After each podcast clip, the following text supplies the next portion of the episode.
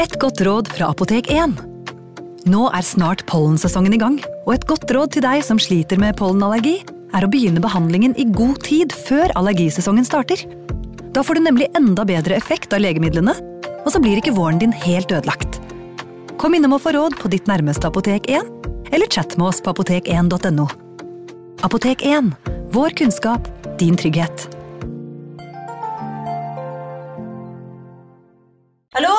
Jeg kommer fra Oslo politikammer. Ine Jansen er purk. Er du purk? The motherfucking bitch. Alt jeg vil, er å finne ut hva som skjedde med mannen min. Jon Carew. Er jeg sikta for noe? Iben Akeli. Det er du. Ole So, Lars Berrum og Big Daddy Karsten. Hvem sin side er du på, egentlig? Anette Hoff, Tone Danielsen, Kommer du fra Afrika? Jørnis Josef, Nesten kløfta. Trond Espen Seim, Det er synd å si det, men det var feil mann som døde. Purk. Premiere tirsdag på TV2 Play. Ungsamtalen fra DNB er økonomisk veiledning tilpasset deg som er ung. Bokk en ungsamtale på dnb.no. slash ung. Det er kjempebra hvis du skal inn på boligmarkedet, hvis det er drømmen din, liksom. Det er det du skulle sagt. Og så kunne du ropt litt mer, da, sånn som jeg gjorde. Bam! Advarsel. Denne podkasten inneholder skildringer av ekte drap og kriminalsaker som kan være støtende for enkelte. Det advares også mot sterke inntrykk i deler av episoden. The red button. What? Hit the red button now. I don't want to. I don't record. Hit the red button. I'm recording. Dad! Dad! Dad's a pervert.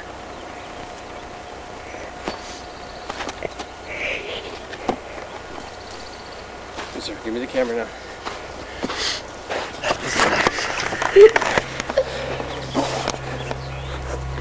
And you're still recording. And Lissa is stupid moron. And Lissa's a stupid moron. I dette lydklippet hørte du stemmen til Alissa Turney.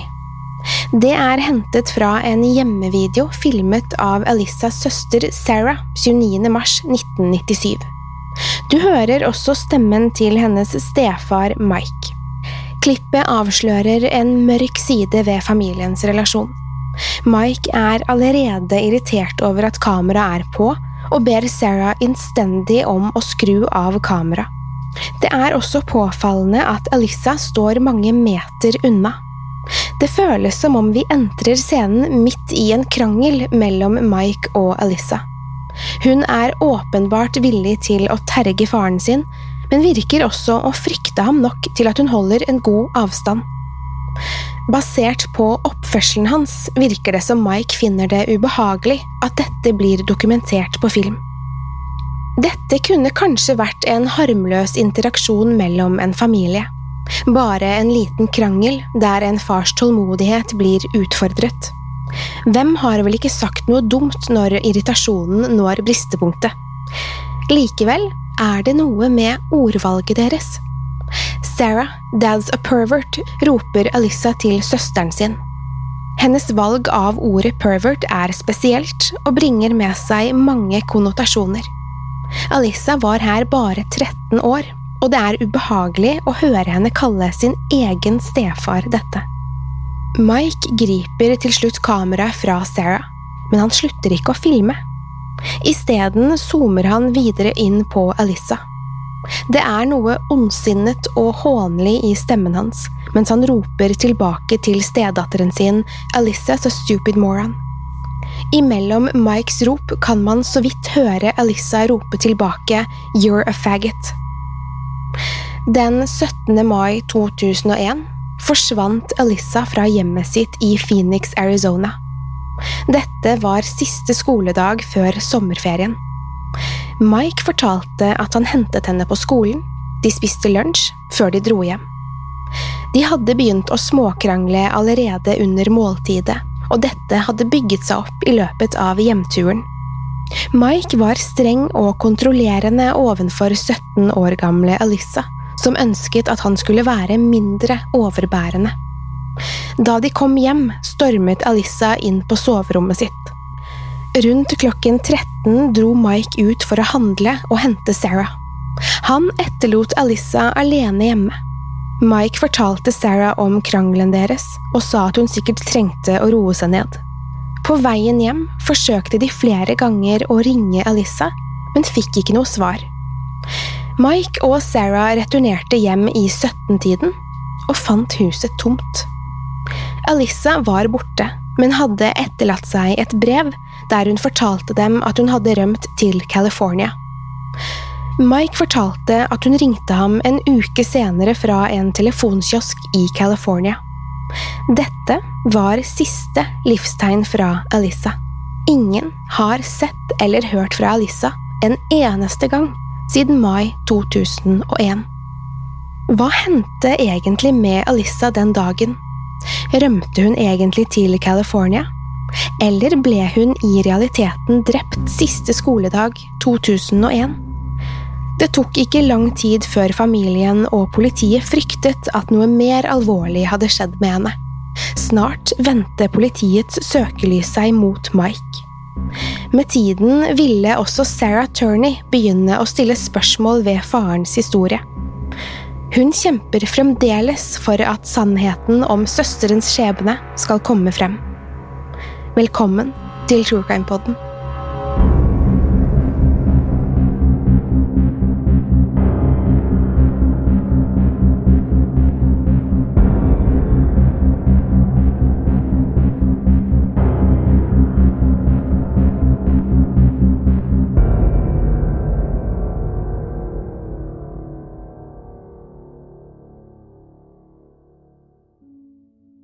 Alissa ble født den 3.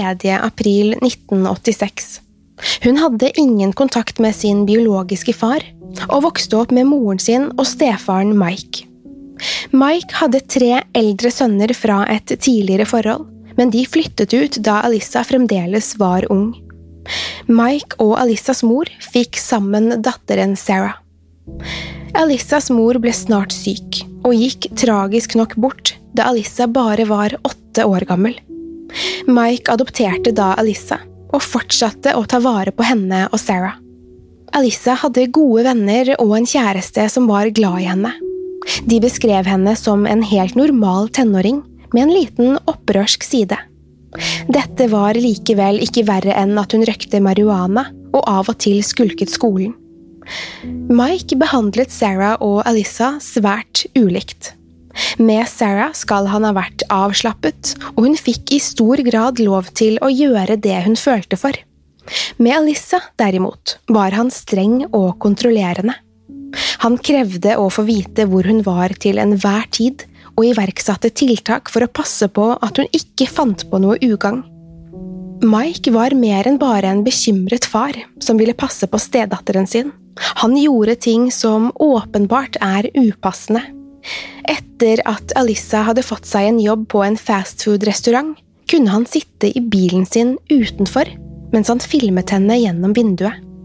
Han gikk ofte gjennom tingene hennes og overvåket telefonsamtalene hennes. Disse påfunnene var til sjenanse for både Alissa og hennes kolleger. Mike mente at det var nødvendig å behandle Alissa på denne måten. Han fortalte Sarah at hun trengte oppfølging og veiledning for å ikke spinne ut av kontroll. Han så det som sitt ansvar å passe på at hun ikke lot sine ville impulser lede henne i feil retning. Jo eldre Alissa ble, jo større ble spenningen mellom dem. Etter hvert så hun seg lei på stefarens konstante overvåkning, og hennes behov for frihet ble stadig tydeligere. Dette ledet til store konflikter mellom Mike og Alissa, og de endte stadig opp i voldsomme krangler. Ettersom Alissa ikke er her for å fortelle hva som hendte den 17. mai 2001, er det meste basert på Mikes forklaring. Han skal ha kommet senere enn avtalt for å hente Sarah. Sarah skal ha dratt til en venninnes hus, hvor hun kontakter Mike. Han kommer for å hente henne en gang mellom fire og fem.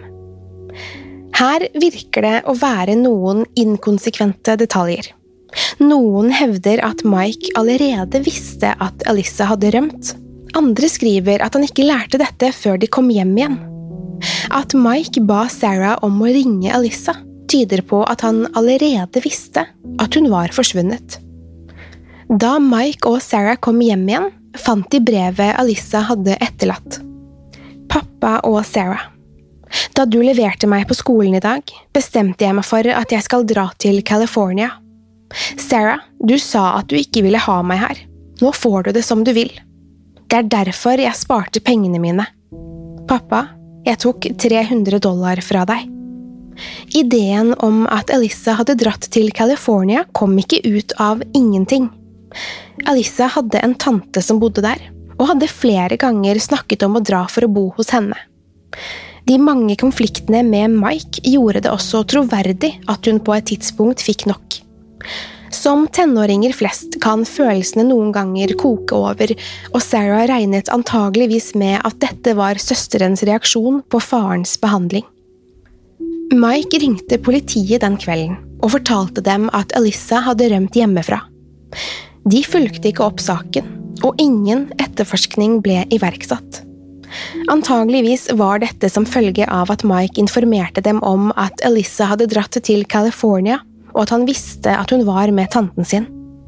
Dette ga ikke politiet noen grunn til å mistenke at noe kriminelt hadde skjedd med Alissa, og de så det derfor ikke som nødvendig å bekrefte Mikes historie. En uke etter at Alissa forsvant, kontaktet Mike igjen politiet. Han fortalte dem at han hadde blitt oppringt av Alissa. Hun fortalte ham at hun var i California og ikke hadde noen intensjon om å returnere. Han fortalte at det var han som var årsaken til at hun hadde dratt, og at Alissa rett og slett hadde blitt lei av hans dominerende foreldrestil. Politiet så heller ikke denne gangen noen grunn til å tvile på Mikes fortelling. Mike presenterte til og med dokumentasjon på at han faktisk hadde mottatt denne telefonen. Riktignok ga ikke dette mer informasjon enn at noen hadde ringt ham fra en telefonkiosk i California. Innholdet i denne samtalen, eller at det i det hele tatt var Alissa som hadde ringt, var ikke mulig å bekrefte. Kanskje kunne historien ha endt her, men Mike ga samtidig familien grunn til å bekymre seg. Etter hvert begynte han å fortelle familien at han fryktet at noe forferdelig hadde skjedd med Alissa. Han fortalte at han fryktet at noen hadde fulgt etter henne og skadet henne. Mike uttrykte også en fortvilelse over politiets manglende vilje til å hjelpe til, og ga uttrykk for at han selv var den eneste som fremdeles lette etter Alissa. Mike skal i denne perioden ha tatt flere turer til California, hvor han gjennomførte søk etter henne og delte ut flygeblader med Alissas ansikt og informasjon. Saken lå død i flere år, uten nye oppdateringer fra Alissa, eller nye ledetråder som kunne peke på hva som hadde skjedd med henne. Så, ut av ingenting, dukket det plutselig opp en ny mistenkt i saken. Politiet mottok et brev fra en mann ved navn Thomas Heimer. Heimer satt allerede fengslet i Florida for drapet på en kvinne ved navn Sandra Goodman. Goodman ble funnet drept på et hotellrom i 2001. Noen dager senere ble Thomas Heimer arrestert da han kjørte rundt i bilen hennes. I 2006 sendte Heimer ut brev fra fengselscellen sin der han tilsto 21 drap de fleste var på unge jenter.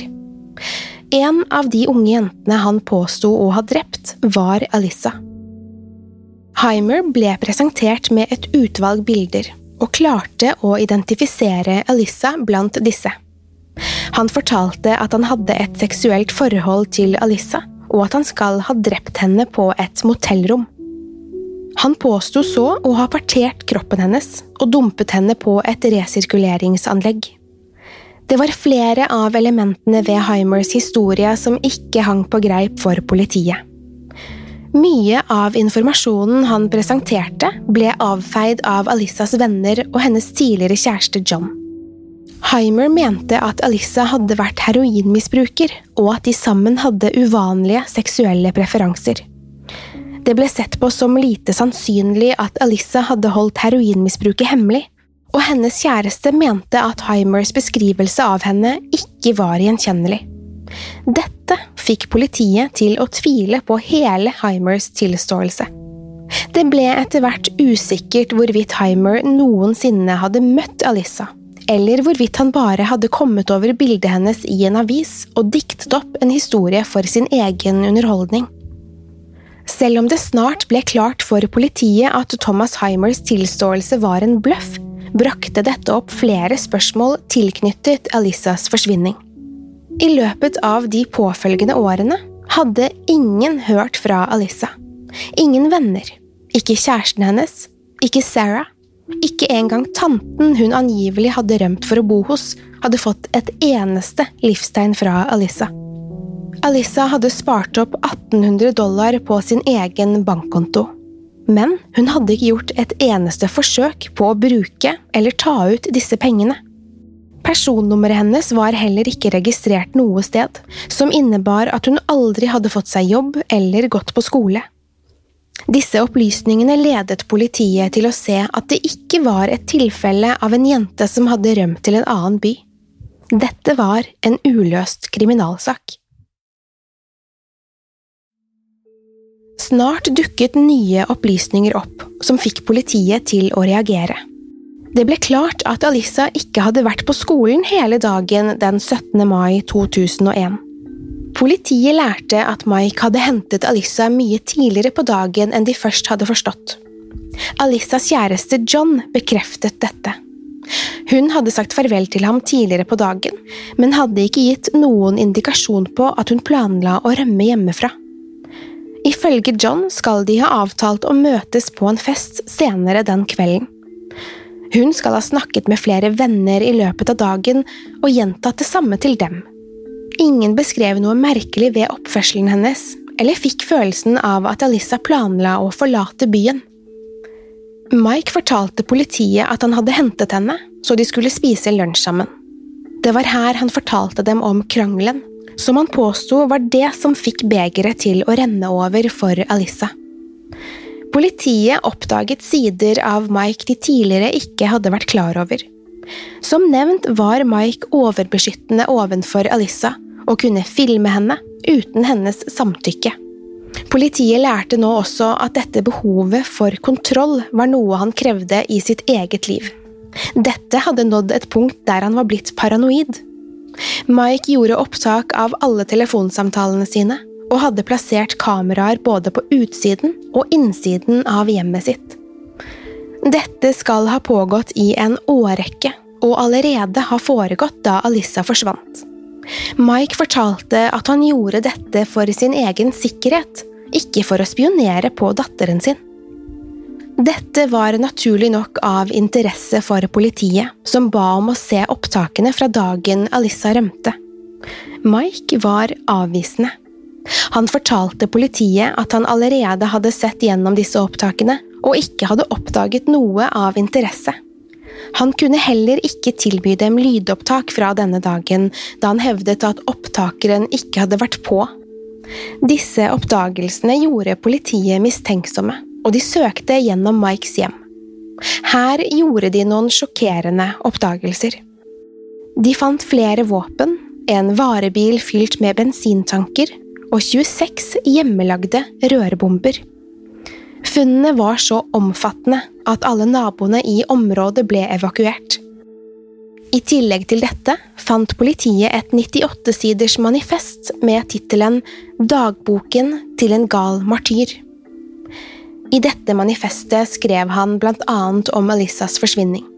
Han hevdet her at hun hadde rømt hjemmefra, men at to menn hadde fulgt etter henne og drept henne.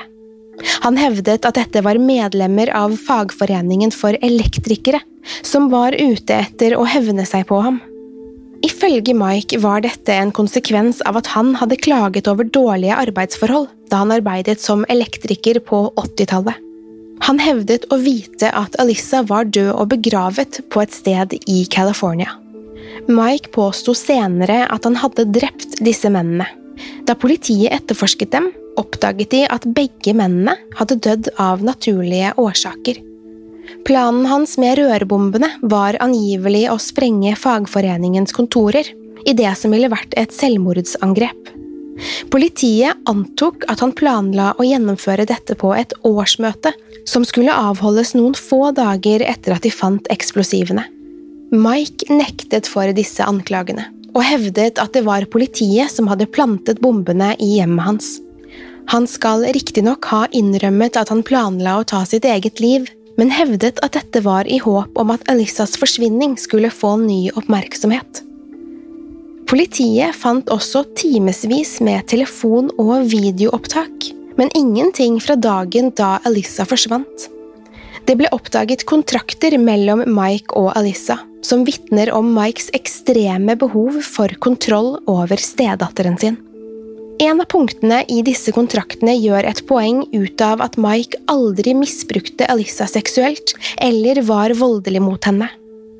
Videre følger punkter om bruk av marihuana og andre narkotiske stoffer, så vel som Alissas seksuelle aktivitet.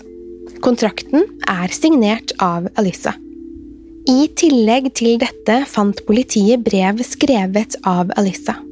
Her skrev hun om at hun hadde blitt seksuelt misbrukt av Mike. Flere av Alissas venner og kjæresten hennes bekreftet at de hadde hørt om disse anklagene. Mike skal blant annet ha forsøkt å forgripe seg på Alissa en dag han hentet henne tidlig fra skolen. Han skal ha kjørt henne ut til et forlatt ørkenområde og forsøkt å presse seg på henne. Flere bekreftet at Alissa hadde fortalt at Mike hadde bundet og kneblet henne. Mike nekter for alle disse anklagene. Mike skal selv ha tatt kontakt med barnevernet omtrent ett år før Alissa forsvant. Han fortalte dem at hvis Alissa noen gang tok kontakt med dem og kom med anklager mot ham, ville dette være løgn. Mike hevdet at hun hadde truet med å gjøre dette med mindre han kjøpte en bil til henne. Man skulle kanskje tro at dette var nok til å undersøke Mike nærmere. Mike ble til slutt dømt til ti års fengsel som følge av funnene av rørbombene. Han ble også diagnostisert med en paranoid personlighetslidelse og dømt til å gjennomgå behandling for dette. Disse funnene ledet likevel ikke til noen ny utvikling i søket etter Alissa. Også Sarah ble etter hvert overbevist om at faren var involvert i søsterens forsvinning. Hun kjemper i dag for at sannheten skal komme frem, og har lansert initiativet Justice for Alyssa. Målet med dette er at hennes egen far, Mike Turney, skal bli stilt for retten for drapet på Alyssa. Som en del av dette har Sarah også lansert sin egen podkast med navnet Voices for Justice, der hun i detalj diskuterer Alissas forsvinning og hennes pågående kamp for rettferdighet. Sarah er i dag fullstendig overbevist om at Mike Turney var en psykisk ustabil, pedofil mann som i en årrekke misbrukte søsteren hennes. Det var vanskelig for Sarah å godta disse påstandene mot hennes egen far, men hun ble til slutt overbevist om at han er skyldig i drapet på Alyssa. I en bloggpost fra 2019 presenterer Sarah fem grunner til at hun nå er sikker på farens skyld i saken. Hun peker på overgrepene Mike skal ha utsatt Alyssa for, som en av de viktigste årsakene. Sarah tror disse seksuelle overgrepene foregikk i store deler av Alissas liv. Flere kilder hevder å ha mistenkt dette, og brevene skrevet av Alissa skal bekrefte det. I ettertid har Sarah innsett at Alissa og Mikes relasjon var nærmere et destruktivt kjæresteforhold enn det var en far og datter-relasjon. Måten han konstant overvåket henne og tok styring over livet hennes på, vitnet om et ekstremt behov for kontroll og dominans. Kombinert med kontrakten han tvang henne til å skrive under, er det åpenbart at han ikke bare var bekymret for hennes velvære. Dersom han bare var overbeskyttende, skulle man tro at Sarah også hadde blitt utsatt for noe av den samme behandlingen, men hun slapp unna denne overvåkningen. Sarah forsto i ettertid at dette var Mikes måte å passe på at Alissa ikke sa eller gjorde noe som kunne avsløre sannheten om de mange misbrukene. I ettertid er det også lett å se Alissas rop om hjelp. I måten hun i hjemmevideoen roper 'Sarah, dad's a pervert', blir plutselig enda mer tragisk. Sarah trodde at faren hennes hadde planlagt å drepe Alissa over en lengre periode. Hun antar at han bevisst valgte siste skoledag, da det ville gjøre det lettere å forklare at Alissa hadde rømt hjemmefra. Hvis Alissa skulle ha stukket av, ville dette vært et logisk tidspunkt å gjøre det på. Skolen var over, og hun kunne ta seg fri hele sommeren mens hun etablerte seg på et nytt sted. Det ville også bli mindre oppstyr over at en av skolens elever plutselig var forsvunnet. Å hente Alissa tidlig fra skolen ville også gitt Mike flere timer til å drepe henne og å kvitte seg med liket. Ifølge Sarah skal faren hennes ha gått til anskaffelse av store mengder lut i forkant av Alissas forsvinning. Hun mistenker at han brukte dette for å løse opp kroppen hennes, før han gjemte restene et sted i Arizona-ørkenen. Videre er Sarah skeptisk til farens forklaring om overvåkningsmateriale fra dagen Alissa forsvant. Hun finner det merkelig at ikke kameraene plukket opp noe av interesse, og at lydopptakeren på telefonen tilfeldigvis sluttet å fungere akkurat denne dagen. Mike skal ha vært nøye med vedlikeholdet av dette utstyret, og det skal automatisk ha blitt gjort opptak hver gang telefonen ringte. Det er særlig mangelen av den foreslåtte telefonsamtalen fra California som plager Sarah. Sarah mener at faren hennes hele veien har løyet og forsøkt å føre politiet bak lyset.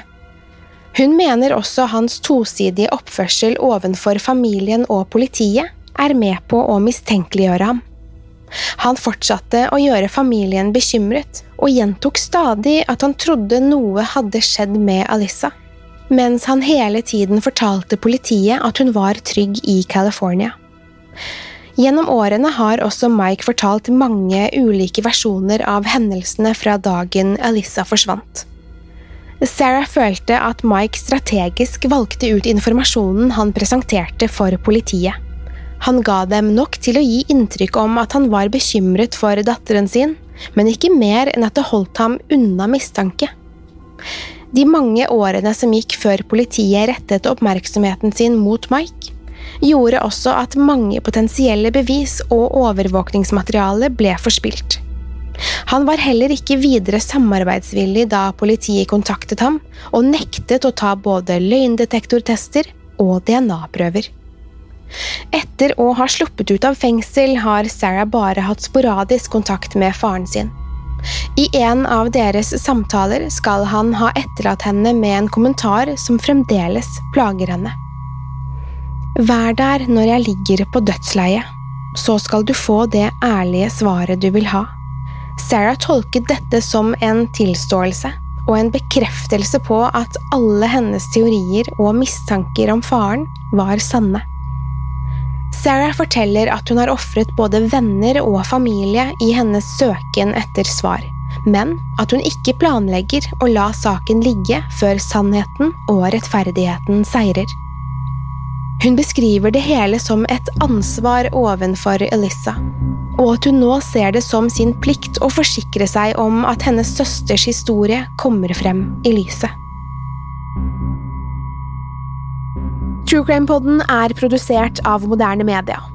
Mitt navn er Pernille Tufte Radeid, og jeg vil takke Håkon Bråten for produksjon, lyd og musikk, og Anders Borgersen for tekst og manus. Til neste gang, pass på deg selv, og takk for at du har hørt på True Crime-podden. moderne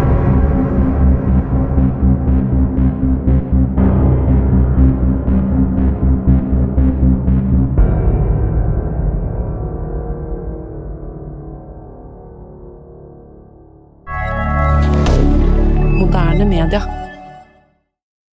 Har du et enkeltpersonforetak eller en liten bedrift? Da er du sikkert lei av å høre meg snakke om hvor enkelt det er med kvitteringer og bilag i fiken, så vi eh, gir oss her, vi. Fordi vi liker enkelt. Fiken superenkelt regnskap. Hei! Takk for at du lytter til True Crime Podden.